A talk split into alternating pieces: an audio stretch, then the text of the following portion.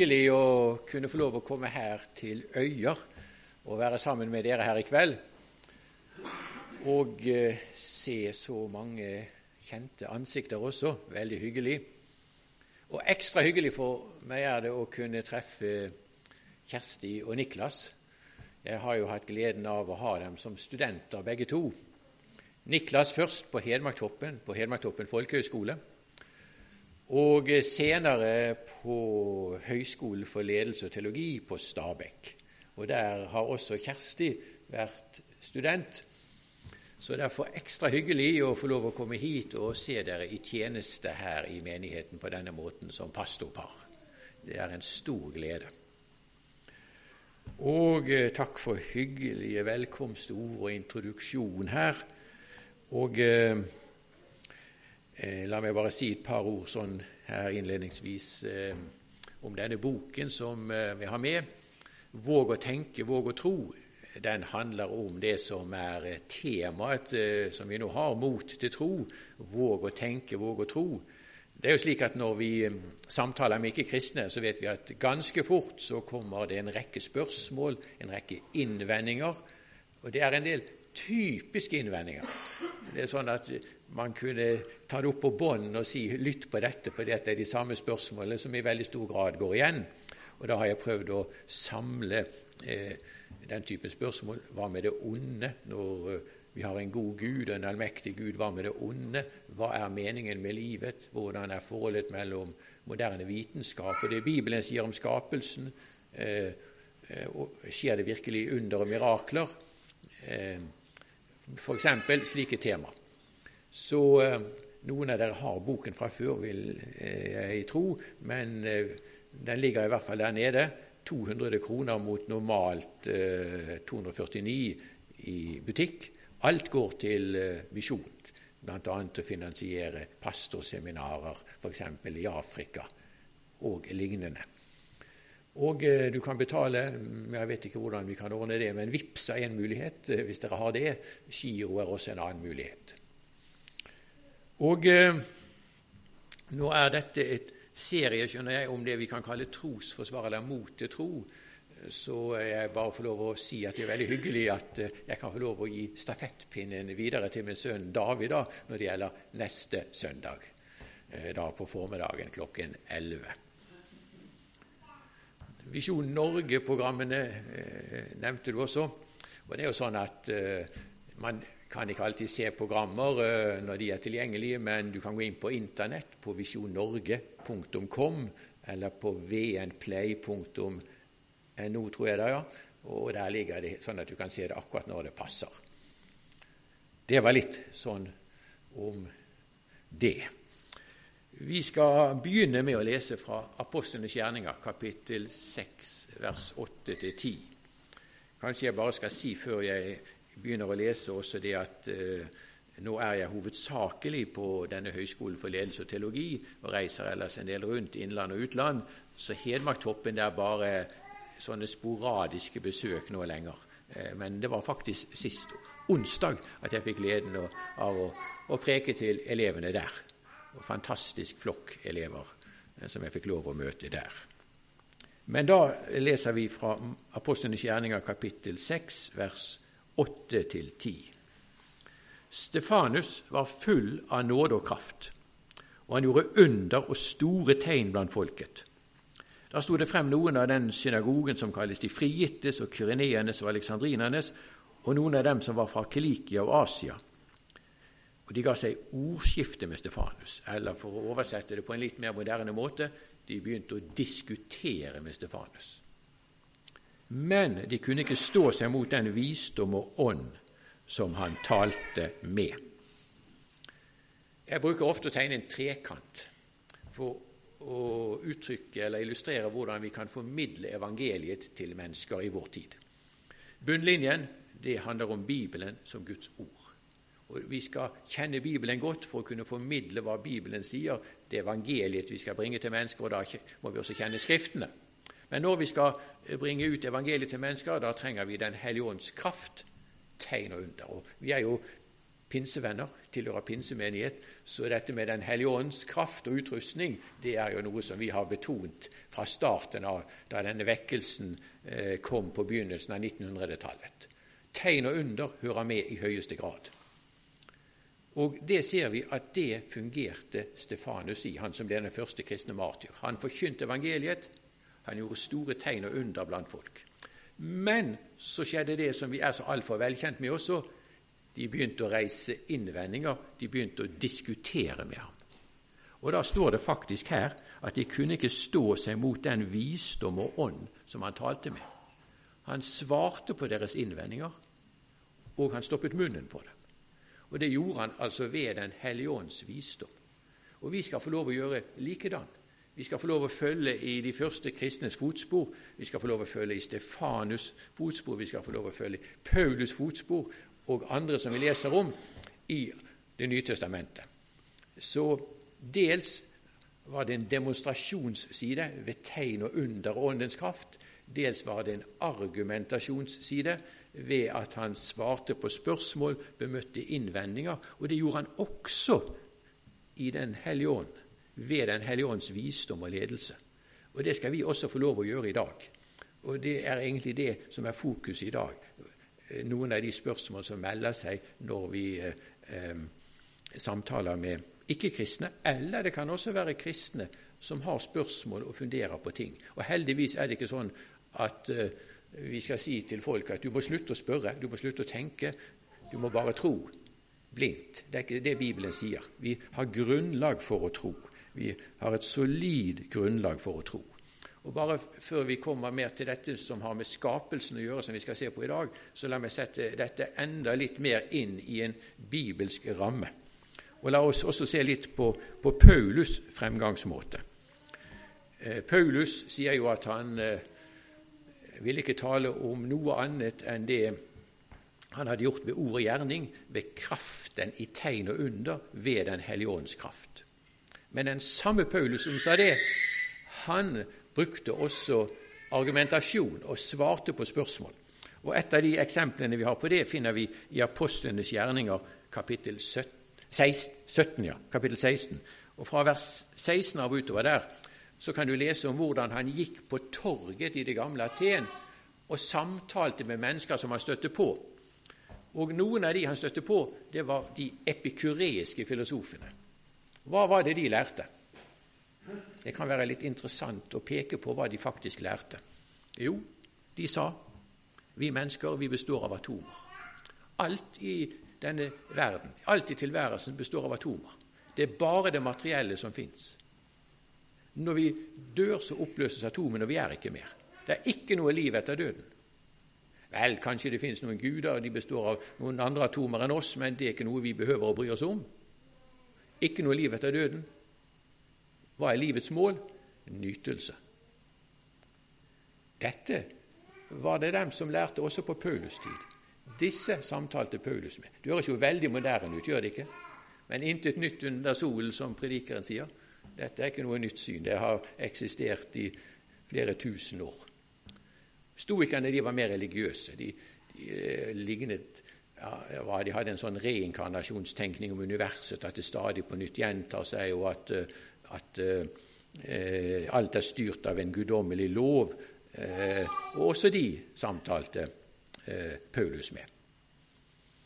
Så leser vi videre her i kapittel 17 at de blir interessert i å høre hva han har å si, og de fører han fram for Areopagus-dommerne. Det var de høyeste dommerne i Aten. Vi kan si at det tilsvarte Høyesterett i Norge. De ville høre hva han hadde å si. Nå var det slik at disse menneskene trodde ikke på Det gamle testamentets skrifter. Kanskje kjente de ikke engang Skriftene i Det gamle testamentet. Og i hvert fall så var de ikke en autoritet for dem. Når Paulus samtalte med jødene, f.eks. kan du lese om det etter at Paulus kom til tro, i Apostlenes gjerninger kapittel 9, vers 22, så samtalte han med dem og beviste ut fra Skriften at Jesus er Messias. Da kunne han bruke Det gamle testamentet, for det trodde også jødene på. Men i Aten så snakker han til mennesker som ikke tror på Bibelen. Og hvordan går han frem da? Jo, vi kan si at han, han begynner å, å snakke om skapelsen. Han sier eh, i vers 24. Gud, han som skapte verden og alt som i den er, han som er herre over himmel og jord, han bor ikke i templer som er bygd med hender. Heller ikke lar han seg tjene menneskeender som om han trenger til noe. Og Dette illustrerer for oss at uansett hvem vi samtaler med, uansett hva de måtte tro, så er det alltid relevant å reise spørsmålet hvorfor er vi mennesker her? Hvor kommer vi fra? Hvor er vi på vei? Er det noen mening med livet? Er det noen dypere mening i det hele tatt? Eller er vi her bare av tilfeldighet, uten mål og mening? Er det et liv etter døden eller ikke? Fins det en Gud eller ikke? Disse spørsmålene vil alltid være relevante, vil alltid være aktuelle, uansett hvor du befinner deg. Også her i vår nå avkristnede Norge så er disse spørsmålene aktuelle. Og Vi skal få lov å peke på dette, vi skal få lov å minne mennesker om dette. Og Noe av det som evangelisering eller det å vinne mennesker innebærer, det er å få mennesker til å tenke og stille spørsmål. Slik som du vet han fortapte sønnen, han som satt og spiste grisemat blant grisene. Han kom til seg selv og begynte å tenke. Hvorfor er jeg her? Folk befinner seg ofte i en slags søvn som gjør at de oppslukes av det daglige, glemmer de store spørsmålene, og vi må vekke dem så de begynner å tenke. Og Den hellige ånd skal få lov å gjøre det gjennom oss. Eh, og eh, Det er noe av nettopp det som vi eh, nå skal peke på her i kveld. Og Vi kan si at her i vår del av verden så er det i hovedsak to konkurrerende livssyn som vi møter. Det ene sier det fins ingen Gud. Vi er bare et produkt av det materielle. Eh, en veldig kjent vitenskapsmann som fikk nobelprisen i 1965, Jacques Monod, eh, han, eh, Det er ikke sånn at du må være ateist hvis du er vitenskapsmann, men han var det. Men vi har mange veldig dyktige kristne vitenskapsfolk også, kvinner og menn. Men denne Monod han var ateist. Og han var veldig høyrøstet som ateist. Og han sa jeg kan ikke se noen mening, noen kjærlighet, i den materialistiske vitenskap som jeg tror på. Min tanke er skapt for mening, men det finnes ingen. Og Mot slutten av sitt liv, et foredrag i Zürich, så sa han den filosofien jeg tror på, at alt er grunnlagt på tilfeldighet, materie og energi, den frustrerer meg til døde. Og likevel må jeg tro dette inntil døden. Og det mente han var sannheten. Men hvorfor skulle vi akseptere at det er sannheten? Hva tilsier at dette er sannheten? Men dette er det ene eh, livssynet vi, vi møter. Så har vi det motsatte, det Bibelen sier. På en helt annen måte. Lyst, positivt, fylt av håp istedenfor det pessimistiske vi nettopp hørte. Gud, vår Far, har skapt oss i sitt bilde for at vi skal ha samfunn med ham. For at vi skal få lov å leve i en personlig relasjon med ham, preget av kjærlighet, og få lov å leve i relasjon med hverandre, preget av kjærlighet. Det er det vi ble skapt til. Og det er det Gud har som den evige hensikt for oss. Eh, en eh, av disse veldig dyktige forsvarerne av den kristne tro, som het Francis Schaefer. Han har skrevet flere gode bøker. Han har også bygget opp et senter nede i Sveits. Eh, jeg besøkte det den gangen han levde, og jeg husker at han satt i et stort rom hvor mange hørte på han, og han satt ved peisen. Det var en sånn stor sveitsisk villa. Og Så fortalte han hvordan lærde professorer kunne stille han spørsmålet Hvor kommer så Gud ifra? Og Så lente de seg tilbake i lenestolen, smattet på sin pipe og tenkte nå har vi satt han fast. Ikke sant? For det er jo helt typisk. Eh, folk, Du snakker om at Gud har skapt alt, og så kan folk spørre jaha, men hvem har skapt Gud, da? Hvor kommer Gud ifra? Eller som jeg husker en ti år, ti år gammel jente en gang spurte meg når vi snakket om noe av dette ja, men hvem har født Gud, da? Ikke sant? Hvor kommer han fra? Hvordan svare på det spørsmålet? Francis Schäfer fortalte at han brukte å svare slik, og jeg syns det var genialt. Han sa noe må alltid ha vært. Det er ikke mulig å si det var absolutt ingenting, og så ut av absolutt ingenting så plutselig kom det noe. Nei, vi vet at av ingenting kommer ingenting. Spørsmålet sa sjefen er hva er det som alltid har vært? Og Vi har faktisk bare to alternativer, to muligheter. Det som alltid har vært, enten er det personlig, eller så er det upersonlig. Enten er det en person altså som er personlig å kunne skape oss som personer også, eller så er det bare noe materielt stoff, materie, energi, et eller annet upersonlig. Og Så spør sjefen hvordan kan du få noe personlig av det upersonlige. Uansett hvor komplekst det upersonlige blir, er det alltid og, og vil alltid være upersonlig. Og Vi har også en sånn religiøs variant eh, som er ganske utbredt, som gir et upersonlig svar når det gjelder vår begynnelse det vi kaller panteisme, dvs. Si at Gud er i alt som en slags mystisk energi som gjennomtrenger alt. Men det er like lite personlig som elektrisiteten som gir lys i lampene våre. Energi som sådant er ikke personlig. Så spørsmålet er hva er det som alltid har vært? Og Jo mer du tenker over en upersonlig begynnelse, jo mer vil du forstå hvor mørkt, hvor fortvilet, hvor pessimistisk, hvor håpløst det hele er. Hvilket dystert perspektiv du får på livet. Men da må vi også spørre hvorfor skulle vi tro at det er sannheten? La oss se på grunnene for det ene og det andre synet. Og eh, la oss gjøre det nå. Før i tiden kunne ateistene si ja, men verden har alltid vært F.eks. den store filosofen og teologen i middelalderen, Thomas Aquinas, levde sånn på 1200-tallet. Han er en av de veldig store. Eh, du leser om han i filosofihistorien og i kirkehistorien. Han, han fremla grunner til å tro på Gud. Men, sa han, vi kan ikke bevise at verden er skapt og ikke alltid har vært. Men Bibelen forteller oss at den er. Men her har moderne vitenskap kommet oss til hjelp. For faktisk er det slik at den moderne vitenskap sier at universet har en begynnelse.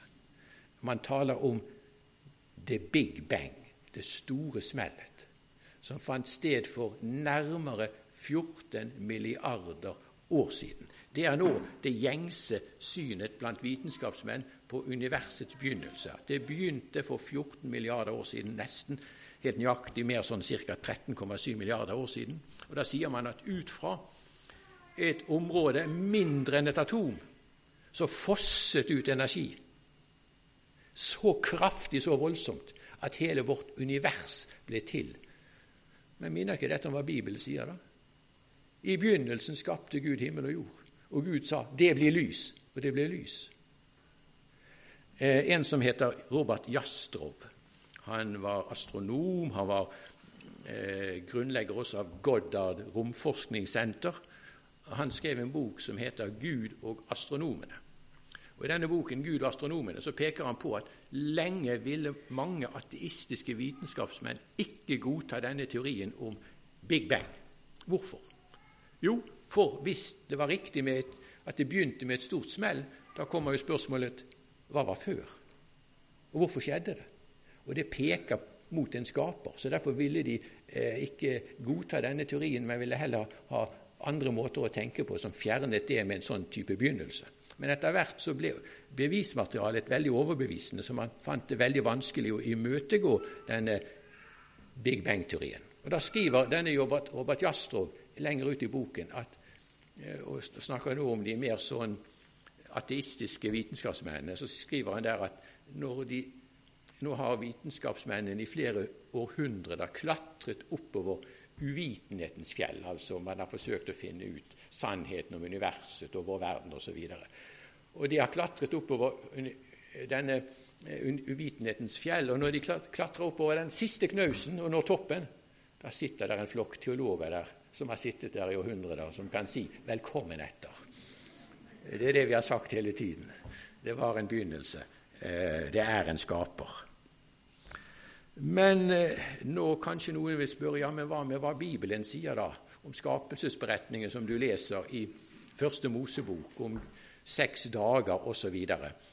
Og eh, Hvis man regner ut via slektsregistrene i Bibelen, så, så, kommer man til at Adam og Eva levde sånn ca. 6000 år før Kristus. Og Hvordan skal man få det til å passe inn med 13,7 eh, milliarder år siden eh, dette store smellet osv.? Vel, For det første så står det ikke hvor lang tid som gikk fra Gud skapte himmel og jord, til mennesket ble skapt. Det står ikke. For det andre Eh, så, La meg først si en ting. Det som jeg tror er viktig, det er at vi er litt sjenerøse her og har takhøyde. At vi kan tillate hverandre å tenke litt ulikt om disse spørsmålene. For her må vi erkjenne at vi kjenner stykkevis. Og vi har ulike oppfatninger blant kristne. Noen sier Gud skapte mennesket for 6000 år siden, og eh, på seks dager, eh, bokstavelig andre tenker at dette er mer billedlig framstilling av det at Gud har skapt. Og Vi må ikke begynne en borgerkrig oss kristne imellom, vil jeg si. Her må vi få lov å tenke litt ulikt etter hva vi selv er overbevist om er mest riktig. For det, det som vi kan og må stå samlet om å si nei til, er det at man fornekter at det finnes en Gud. At man fornekter at det finnes en skapelse. For skal du være en kristen, da må du tro at det finnes en Gud som har skapt. For Hvis ikke det finnes en Gud, da kan du glemme resten av kristentroen også.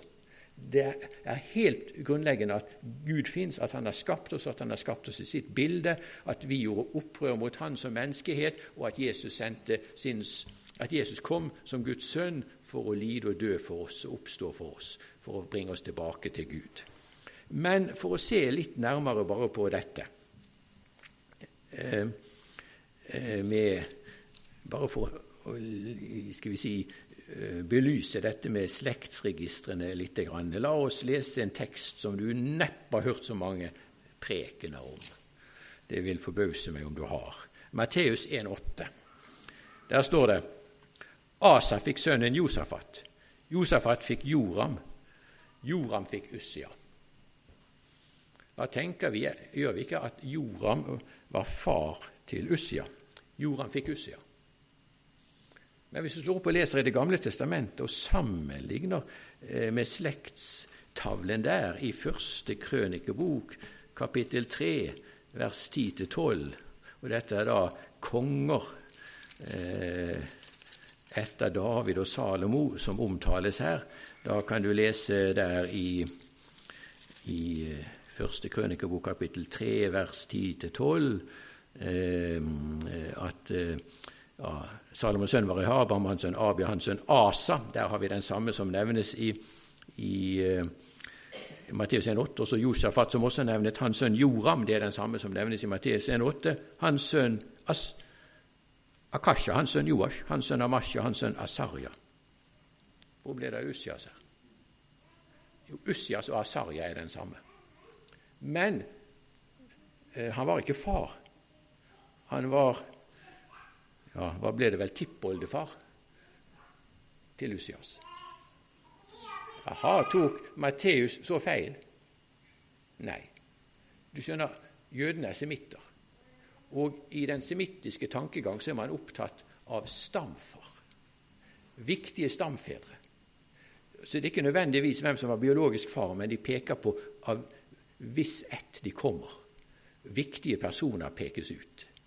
Så her er det hoppet over flere ledd, men det er ikke noe problem ifølge den semittiske tankegang. Du vet at Jesus ble kalt Davids sønn, men det har gått omtrent 1000 år mellom David og Jesus.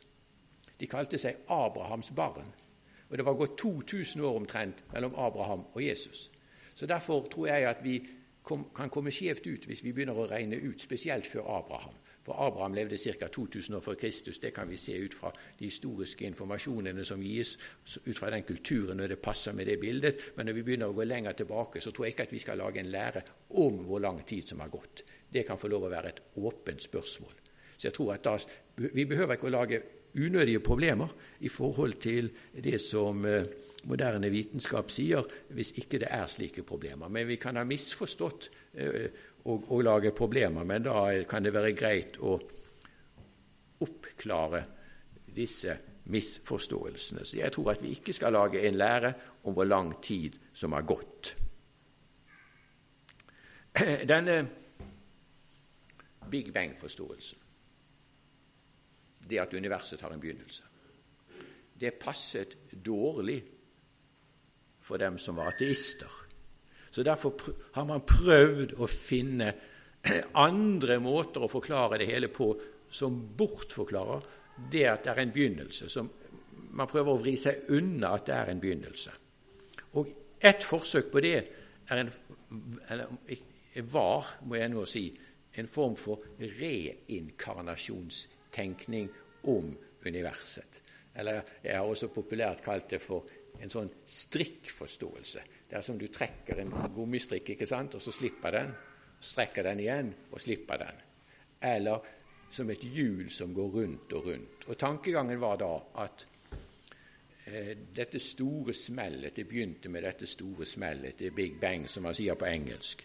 Og så, ut fra dette området mindre enn et atom, så utvider universet seg mer og mer, og vi har det universet vi har i dag. Og ifølge dagens forståelse så vil universet utvide seg mer og mer. Men ifølge denne reinkarnasjonstenkningen om universet, eller strikkforståelsen av universet, så var det slik at universet ville stoppe å utvide seg, og så begynne å trekke seg tilbake og kollapse i et smell. Og så ville man få et nytt stort smell, nytt big bang, og så ville universet begynne å utvide seg på nytt. Og så ville det stoppe, og så ville det trekke seg tilbake igjen, og så kom det et nytt smell. Og at så man, sa man at dette har, pågår hele tiden. altså Det er stadig nye smell. Det er ingen begynnelse. Det er bare sånn at det kan se ut som en begynnelse. Det er som et hjul som går rundt og rundt. Og Hvis denne teorien ville være riktig, så kommer man bort ifra dette med en begynnelse. Men det vi kan si, er at i dag er denne teorien motbevist. For universet må ha en bestemt type beskaffenhet for at det skulle slutte å utvide seg og begynne å trekke seg sammen igjen. Og målingene tilsier at det ikke er slik, at det ikke vil skje. Så det som er dagens forståelse, det er at universet vil utvide seg mer og mer, og faktisk etter hvert også bli nedkjølt mer og mer, slik at alt liv vil forsvinne. Universet er på vei mot sin død. Jeg husker det var en vitenskapsdame, nobelprisvinner. Du vet de får nobelprisen i Stockholm eh, for eh, bl.a. Eh, oppdagelse de har gjort, og viktig arbeid de har gjort innen ulike vitenskapsgrener. Og eh, innen litteratur, eh, økonomi etc. Og da har de eh, en samtale blant disse nobelprisvinnerne som de sender på TV. På svensk heter det 'Snillen spekulerer'. Det betyr 'geniet spekulerer'. Og Denne vitenskapsdamen, som da hadde universet som sitt område, hun snakket nettopp om dette, at universet ville utvide seg mer og mer, og til slutt altså ville alt liv dø hen og ut. Men trøstet hun seg med, og forsøkte å trøste oss med, det er lenge til. Det er eh, det dagens syn på universets utvikling. Det vil ikke trekke seg sammen. Vel, da har man prøvd på en annen måte å vri seg unna dette med at det er en begynnelse. For Big Bang-teorien sier det er en begynnelse. Den er absolutt begynnelse. Man kan ikke si hva som var før. Det plutselig bare begynte, dette. Og lysårene, ikke sant? Man regner seg tilbake. Hvor lang tid tar lyset å reise. Eh, man regner med at det er de samme fysiske lovene som eh, gjelder der ute, langt, langt ut i universet, som gjelder her på jorden. Det er altså sånn forutsetning, da, det man kaller astrofysikk, altså stjernefysikk. Altså ikke bare fysikk på jorden, men også fysikk ute i, i verdensrommet. Eh, men eh, da har man prøvd det som nå er den måten man prøver å vri seg unna det med en begynnelse på, det, det er det man kaller multiversteorien. Og Multivers handler ikke om at det er et dikt med mange vers, men det er det at man tenker at akkurat som univers betyr ett univers, så har man mange univers. Multiunivers. Mange. Enormt antall. Det er ikke måte på hvor mange univers man kan foreslå at det kan finnes. Og Da kan man vri seg unna på den måten at vårt univers kan jo bare komme fra et av disse andre universene. ikke sant? Og da er det ingen begynnelse i alle fall. Vel, hva skal man si om, om dette med multiuniverstankegangen, da? For det første er det ren spekulasjon.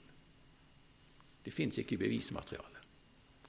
En som het Anthony Flew, veldig eh, høyrøstet, ateistisk filosof på 1900-tallet, argumenterte mot kristen gudstro, argumenterte mot gudstro i det hele tatt. Han endret syn på sine eldre dager og skrev en bok som heter 'Det fins en Gud'. Han hadde ikke blitt kristen, men han skrev og sa det må finnes en intelligens bak.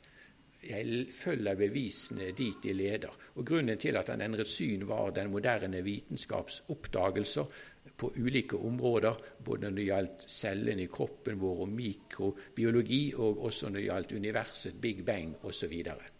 Og han sier om denne multiuniversteorien For å illustrere hvor lite den har av bevis, så, så foreslår han tenk deg følgende at noen sa til deg Vi ble alle sammen skapt for én time siden. Vi ble skapt med minner om en fortid.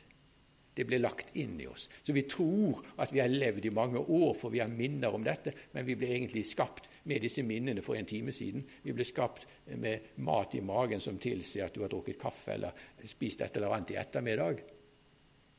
Vel, hvordan skal du bevise det, eller motbevise at det er sant? Hva tilsier at det er sant? Det er jo bare en påstand som slynges ut, ikke sant? Like lite bevis, sier han, fins det for multiversteorien. Dernest eh, så eh, er det slik at selv om multiuniversteorien skulle være riktig, så eh, betyr ikke det at det ikke må være en begynnelse likevel. Man forskyver egentlig bare problemet et hakk tilbake. Samme problemet fins, bare det at man har eh, laget ett trinn, et par trinn mer. Men så kommer samme problemet får man i fanget likevel.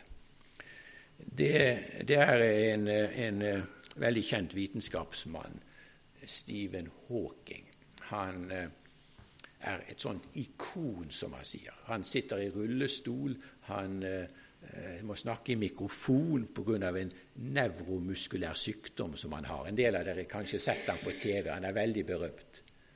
Da jeg, da jeg, skrev min første utgave av denne boken min, 'Våg å tenke, våg å tro', da hadde jeg inntrykk av at han var veldig ydmyk og nesten på vei til en gudstro, og jeg skrev om det i min bok. Men så kom han i 2010 med en bok som heter på engelsk 'The Grand Design'. Den, den, den store designingen. Og da endret han syn, så jeg måtte omskrive alt jeg hadde skrevet om han i min neste utgave. Og Det han sier i denne boken i 2010, det er vi behøver ingen Gud for å forklare hvordan universet ble til.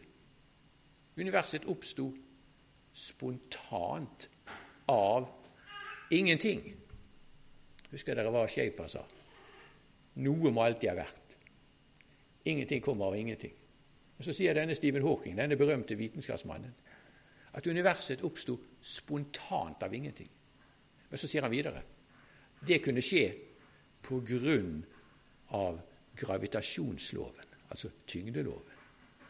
Ja, Men vent nå litt, Steven. Du sa ingenting. Tyngdeloven er jo noe.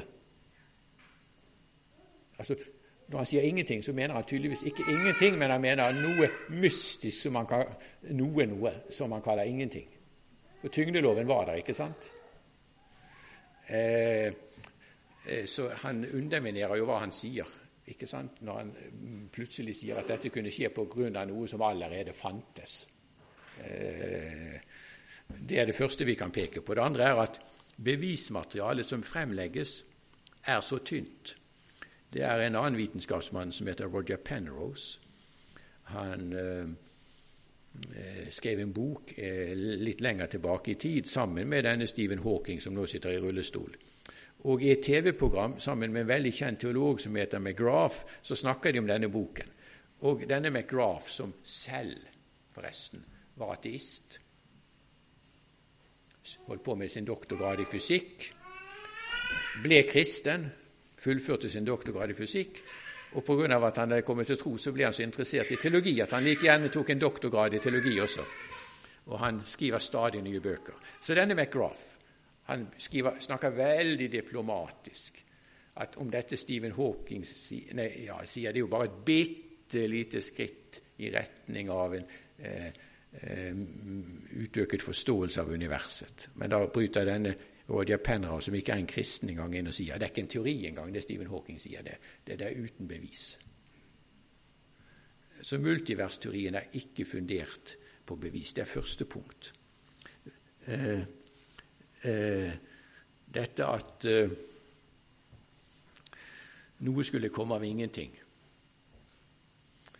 En uh, annen kjent uh, trosforsvarer som jeg vet Niklas har satt stor pris på, William Craig. Han tar opp dette med påstanden om at det skulle komme av ingenting.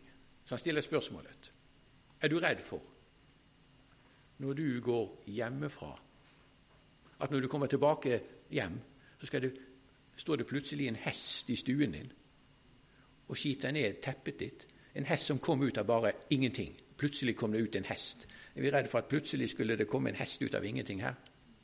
Er du redd for det? Nei, selvsagt ikke. Vi vet at av ingenting kommer ingenting. Noe må alltid ha vært.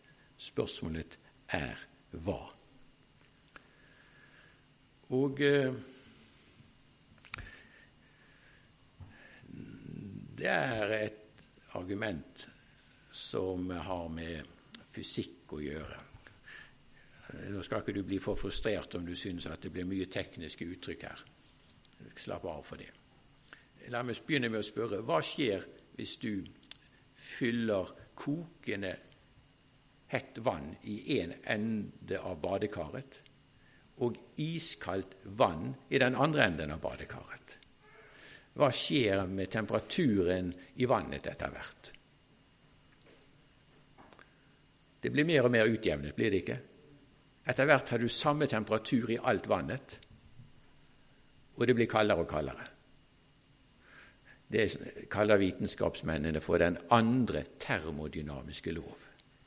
Men eh, bare tenk på badekaret, du, hvis det var vanskelig. Universet. Hvis man ikke tror at Gud har skapt, så har hele universet Og selv om det skulle være multiunivers, mange univers, så er det slik at alle dette universet, eller alle disse univers, har bare en viss mengde energi. Akkurat som vannet i badekaret har også bare en viss temperatur. Og det blir kaldere og kaldere. Hvis det skal varmes opp igjen, så må du tilføre eh, oppvarming. Du må ny energi inn i vannet. Det betyr, som også de snakker om, at vårt univers er på vei mot sin død. Det vil bli kaldere og kaldere. Solen vil slutte å brenne. Stjernene vil slutte å brenne. De har bare en viss mengde energi. Etter hvert blir dette oppbrukt. Det er omtrent som når du kjører bil, du, eh, enten du kjører elbil eller dieselbil eller bensinbil, så tar energien til slutt slutt. Bilen stopper, den går ikke lenger. Og Sånn vil også energien i universet til slutt bli oppbrukt. Og hvis det er mange univers, vil energien i disse mange univers bli oppbrukt til slutt også. Og Hvis, hvis universet hadde vært alltid bestandig, da burde dette ha hendt for lenge siden, men det har ikke hendt. Og fordi at ikke energien er brukt opp, så viser det at det er en begynnelse. Det har ikke alltid vært. Det er som Bibelen sier Gud skapte. Og vi sier gjerne at Gud skapte av intet. Før Gud skapte, var det intet. Så dette er ting vi i en hyggelig samtale med ikke-kristne kan få lov å peke på det, det, Bibelen sier, det stemmer med moderne vitenskap. Det er ikke i motsetning. Det stemmer. Og hvis vi går videre til et annet tema, som er et enormt tema,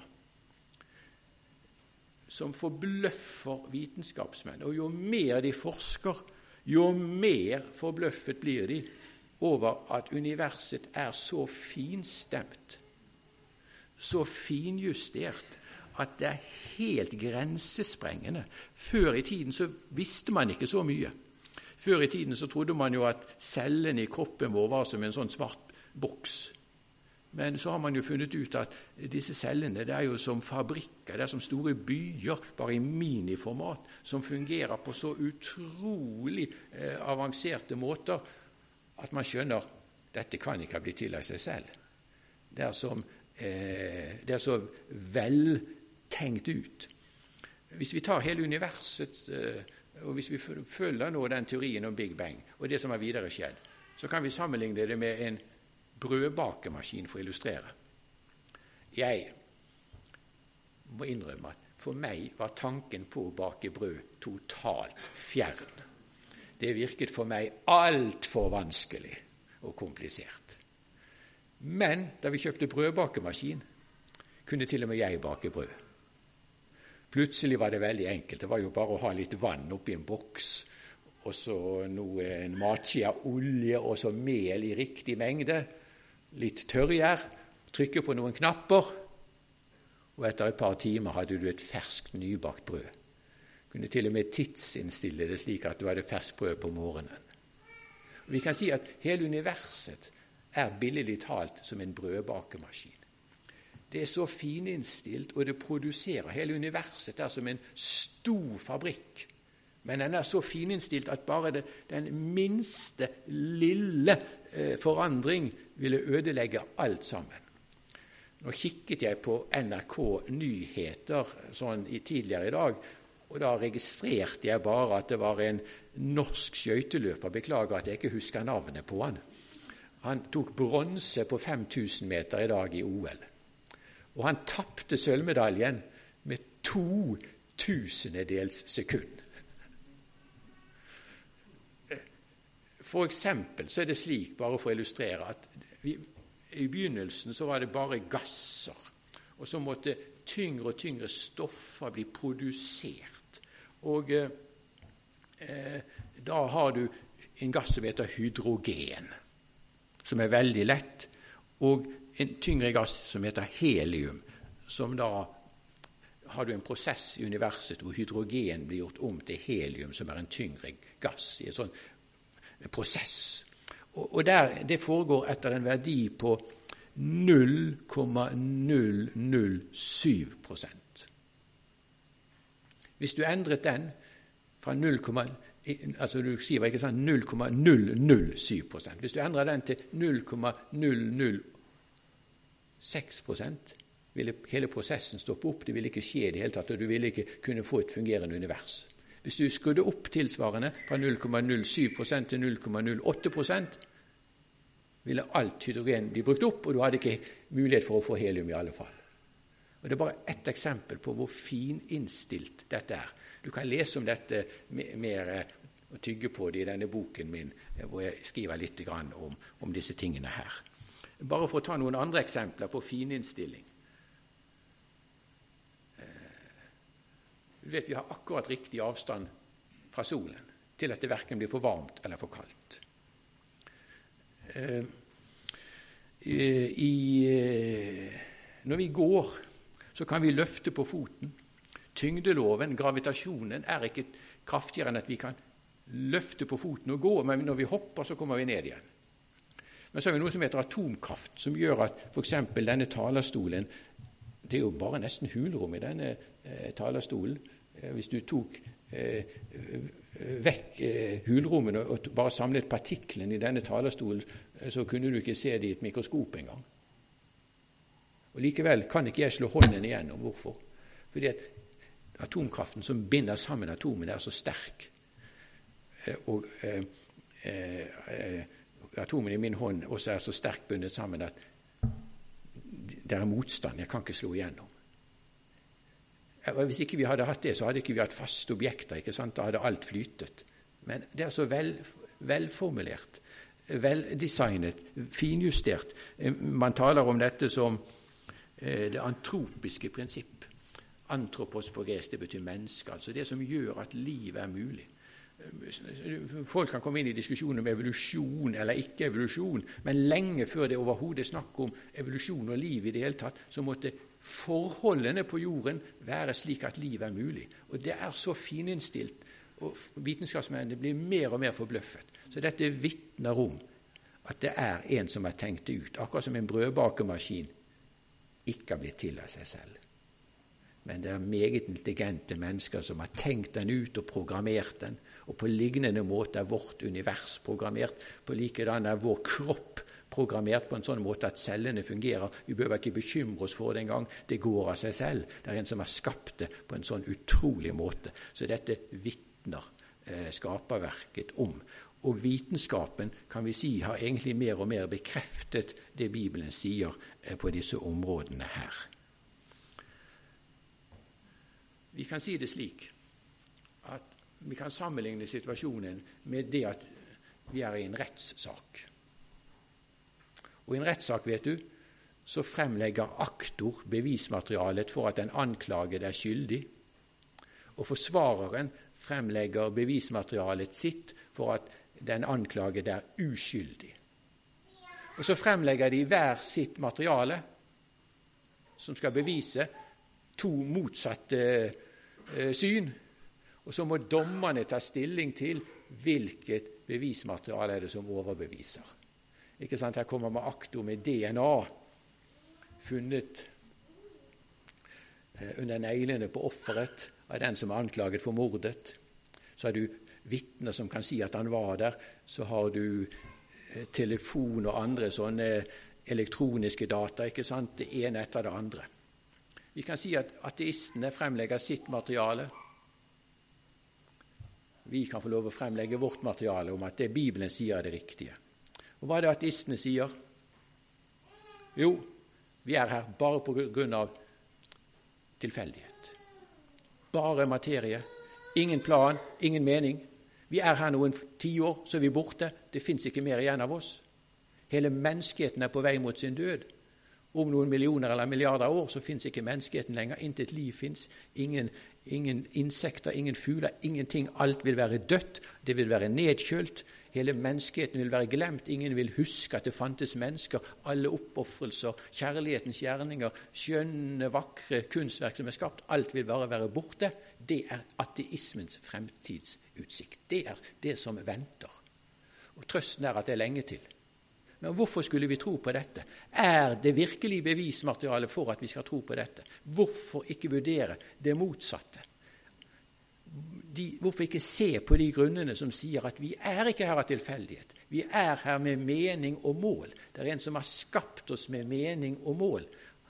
Eh, han skapte oss for fellesskap med seg selv og med hverandre. Vi kom bort fra han, men han har i sin kjærlighet gått så langt at han kom hit selv for å lide og dø for oss, for å bringe oss tilbake til ham. Og vi har det beste i vente. Jo, vi er her noen år i en fallen verden hvor mye ondt skjer, hvor lidelse og nød inntreffer på ulike måter. Men det er noen tiår, og så har vi en evighet i hans nærhet. Det er så sterke grunner som taler for det. Så Derfor kan vi oppfordre mennesker til å se på de sterke og gode grunnene som tilsier at det er dette som er sannheten, ikke det dystre, mørke, eh, at det er ingen mening, intet mål, at det bare er det materielle og intet mer, og så er vi borte. Og så helt til slutt Det er en Gud som skapte. Han skaper fortsatt.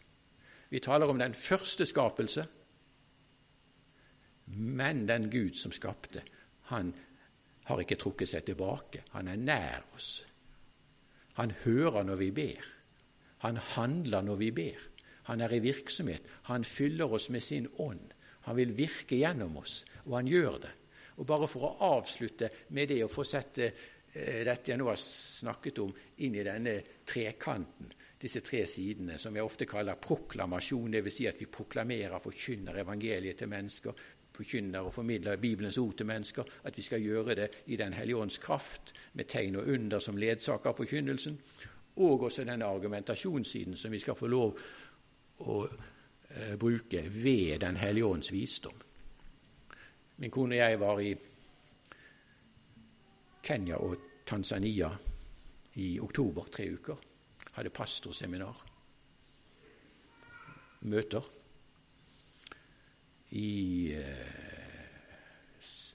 Etter det siste pastorseminaret til Mombasa i Kenya så kommer de med en dame. Hatt slag på høyre side. Kunne knapt bruke armen. Kunne knapt uh, flytte høyrefoten. Jeg tenkte ved meg selv huffa meg, mm, dette er en utfordring. De ville at jeg skulle be for henne. Men mens jeg ba, og vi ba, ble armen bedre og bedre. Smertene forsvant. Hun kunne løfte eh, armen mer og mer. Så var det benet. Kunne knapt flytte det. Etter litt forbønn kom la oss gå, sa jeg. Hun begynte å gå, min kone, hun er fysioterapeut. Hun sa 'Kan jeg gå alene?' Hun gikk. Hun gikk. Hun gikk stor, full fart. Eh, min kone fikk henne helt til slutt når hun satte seg ned til å løfte benet for å spørre om hun kunne det. Kan du vinke med foten? Ja. Døde hjerneceller. Ett år siden var det at hun hadde hatt slag. Den Gud som skapte, han skaper fortsatt i dag. Han gjør det på ulike måter bl.a. gjennom det å helbrede mennesker. I Dar es Salaam, den største byen i Tanzania, avslutningen av søndag formiddagsmøte, da folk hadde kommet frem til forbønn, så ba jeg først sånn kollektivt felles bønn for dem. Og en ung mann sier plutselig der 'Å, nå kan jeg se'. Han var ikke helt blind, men han så så dårlig at han ikke hadde sett eh, eh brudeparet som ble viet under gudstjenesten. Nå kunne han lese fra Bibelen høyt, klart og tydelig. Den Gud som skapte, han skapte på nytt. Og vi skal få regne med denne Gud. Og Hvis det hadde vært temaet i, i kveld, så hadde jeg kunnet fortalt historien på historien om hvordan jeg har fått lov å se Gud stadfeste sitt ord med tegn og under som skjer i dag, og som jeg selv har fått lov å være vitne til skjer på ulike måter.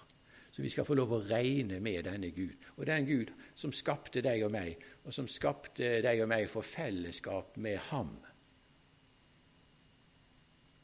Han er her i kveld. Jesus er her. Den hellige ånd er her. Han vil fylle oss med sin ånd og sin kraft. Han vil utruste oss med visdom. Hans løfte var at dere skal få kraft idet Den hellige ånd kommer over dere, og dere skal være mine vitner. Vi skal få lov å motta visdom fra Han, ledelse fra Han. Vi skal få motta kraft til å virke i Den hellige ånds kraft på ulike måter. Og vi skal få lov å komme inn i Hans nærhet og motta veiledning, råd og visdom. Så la oss be sammen her nå til slutt. Vi takker deg, himmelske Far, for at du skapte oss, for at du skapte oss i ditt bilde, for at du skapte oss til samfunn med deg. Takk for det at vi er ikke her av tilfeldighet, men takk for som Paulus skriver, vi er ditt verk, skapt i Kristus Jesus, til gode gjerninger, som du forut har lagt ferdige for at vi skal få vandre i dem. Takk for det at dette gjelder hver enkelt av oss, Herre. Takk for det at du har ferdiglagte gjerninger for hver enkelt av oss. Vi bare takker og priser deg for det.